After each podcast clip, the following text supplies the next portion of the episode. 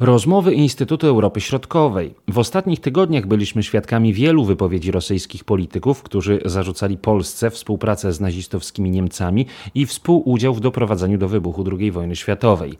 Jednocześnie podjęto kolejne działania zacierające sowiecką odpowiedzialność za zbrodnię katyńską.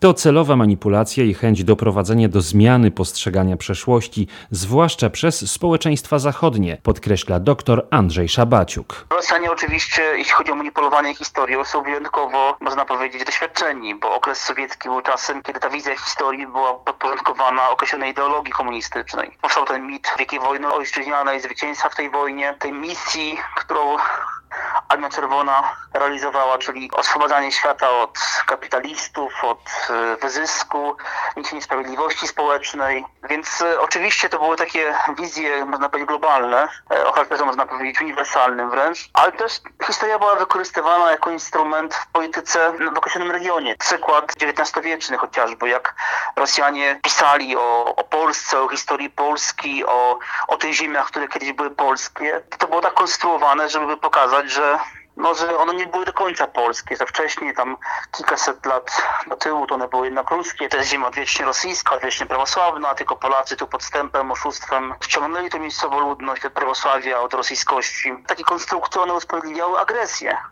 Bo jeżeli to jest ziemia odwiecznie rosyjska, odwiecznie prawosławna, to możemy oczywiście jak najbardziej to ziemię odzyskać. Mit łączenia ziem, zbierania ziem ruskich przecież. One są, one są obecne do dzisiaj zresztą. Jak obserwujemy wystąpienia Władimira Putina, to niejednokrotnie podkreśla, że Ukraina, Białoruś to jest jak gdyby jeden naród kulturowy, językowy.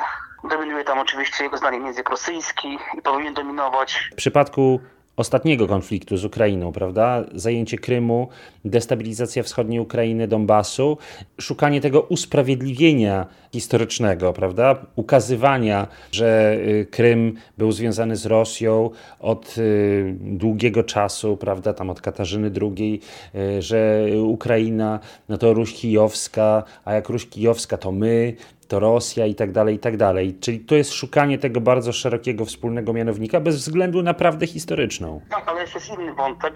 Wątek domagania się, czy gdyby wręcz wymuszania pewnej wdzięczności. No bo skoro Armia Czerwona wyzwoliła Ukrainę, Białoruś, Polskę, Niemcy od faszyzmu, w takim razie te państwa powinny być wdzięczne, pozwalając na pewną uprzywilejowaną pozycję Rosji, e, kapitału rosyjskiego na terytorium danego państwa. Tak, bo jeśli chodzi o te pomniki, to nie tylko chodzi o, o, o kwestię takiego czy innego pomnika, tylko pewnej, pewnej wdzięczności, pewnej wizji. W ostatnim czasie mieliśmy do czynienia z demontażem tablic, które upamiętniały ofiary zbrodni katyńskiej w samej Rosji.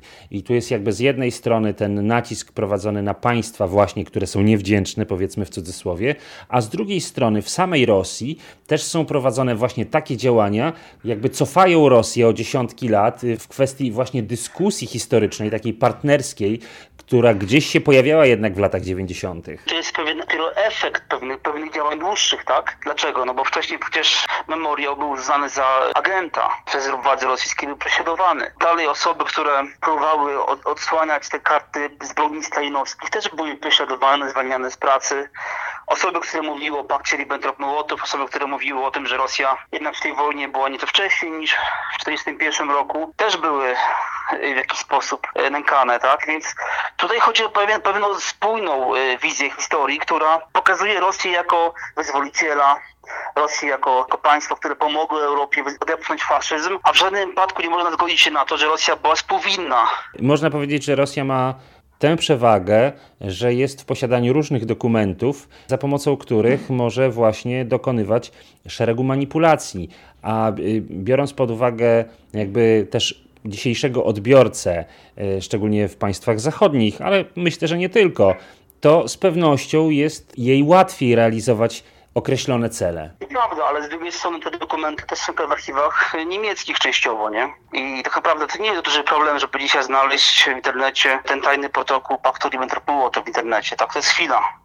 Internet daje nowe możliwości, nowe szanse. Takie uparte zaprzeczanie oczywistym faktom sprawia, że jednak część historyków intelektualistów na Zachodzie po prostu e, coraz bardziej jednak nie wierzy Rosji. Takie opiniotwórcze uczelnie jak Harvard czy inne amerykańskie uczelnie zaczęły tą kwestię podnosić właśnie pod kątem polityki historycznej przede wszystkim. Pokazując, że ta polityka historyczna rosyjska jest takim elementem polityki neoimperialnej rosyjskiej. No tak, ale w samej Rosji z tym dostępem do informacji jest różnie, prawda? Bo jednak te oficjalne kanały informacyjne, one są jakie są i dla takiego przeciętnego mieszkańca Rosji, który no nie podróżuje, nie wyjeżdża za granicę, nie zbiera tych informacji, bo też nie ma możliwości albo mu się nie chce, no to jednak bazuje na tych oficjalnych informacjach i jest wychowywany, czy też y, urabiany, albo żyje w takim matriksie, może tak to nazwijmy. I na ile groźna jest właśnie taka sytuacja i taka rzeczywistość tego państwa rosyjskiego dla Polski na przykład, dla pozostałych państw Europy Środkowej czy Wschodniej, które odrzucają e, tą rosyjską wizję historyczną? Myślę, że tym kluczowym problemem jest to, na ile Rosji uda się przekonać do tej wizji państwa Zachodu przede wszystkim, tak? Czyli Niemcy, Francja, Stany Zjednoczone. Bo prawda jest taka, że tu Rosjanie chyba nie mają złudzeń i nawet nie mają takich planów, żeby przekonać nasze społeczeństwo, bo oni postrzegają Polskę jako jedno z najbardziej antyrosyjskich państw na świecie. I tak zresztą, jak y, pokazują badania Slowiszy, tak, tak w sumie jest. Ale tutaj gra to się o coś zupełnie innego, czyli o to, żeby przekonać właśnie Niemcy, Francję, Włochy, Hiszpanię, do tego, że my, że Polacy, że Ukraińcy, że czasami Węgrzy także, to są państwa niestabilne, państwa nielojalne, państwa, które się w ogóle nie liczą, a potem są antysemici, osoby o poglądach nacjonalistycznych, faszyści. Wraz po agresji rosyjskiej na, na Ukrainę, ta narracja o tych banderowcach, o faszystach, którzy przejęli władzę na, na Ukrainie, nawet sam Władimir Putin mówił o huncie, która przyjęła władzę Kijowie. Tutaj to jest niebezpieczne. Jeżeli uda się Rosji złamać Solidarność Zachodu i uda się e, przekonać elity zachodnie do tego, że faktycznie Polacy, można powiedzieć, e, od, od wieków są antysemitami, są osobami o poglądach nacjonalistycznych, mają jakąś obsesję na punkcie Rosji, całkowicie nieuzasadnioną. Ale jak wiemy, no to działania się Rosji nie udają. Co więcej, no, po ostatnich wypowiedziach Władimira Putina, które, w których on próbował Polaków e, tak pozycjonować jako antysemitów, jako nacjonalistów, racja władz polskich, ale też e, jaka spontaniczna odpowiedź dziennikarzy intelektualistów zachodnich pokazała, że to, to nie zawsze jest skuteczne. Oczywiście to jest problem, jak to odbierały elity, jak to odbierały zwykli ludzie, bo na przykład Russia Today jest e, telewizją globalną, tak, o zasięgu globalnym, która ma ponad 100 milionów odbiorców. Jak państwo polskie na przykład, ale też inne państwa właśnie, które się znajdują w takiej sytuacji, jak one mogą przeciwdziałać? Ja myślę, że najważniejsza jest moim zdaniem jednak edukacja, bo te badania socjologiczne, które niedawno były prowadzone między innymi przez Centrum Dialogu i Porozumienia Polsko-Rosyjskiego, te badania pokazują, że bardzo często tym podatnym gruntem są osoby młode. Dlaczego? Bo niestety ich wiedza na temat historii jest często bardzo niewielka.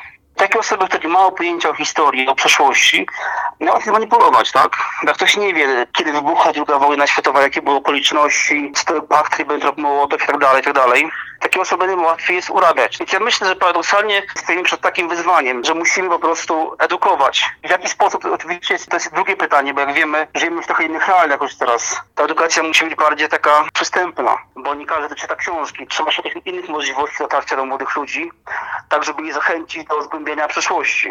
To też pokazuje jeszcze jedno, że, że te głosy, te słowa, które padały wśród polityków polskich nie tylko, że historia jest całkowicie niepotrzebna, że stawmy historię historykom, są niestety całkowicie błędne. Bo paradoksalnie żyjemy w takim regionie, gdzie historia niejednokrotnie ma kluczowe znaczenie. Żeby zrozumieć to, w jakim miejscu znajduje się Polska i jakie są relacje z sąsiadami. Bez historii tego nie da się zrozumieć. Oczywiście różne narody i badacze mają prawo do swojej interpretacji wydarzeń. Ważne jest, aby opierać się na prawdzie. Budowanie przyszłości na kłamstwie nie przynosi nic dobrego. Były to rozmowy Instytutu Europy Środkowej. Marcin Superczyński, do usłyszenia.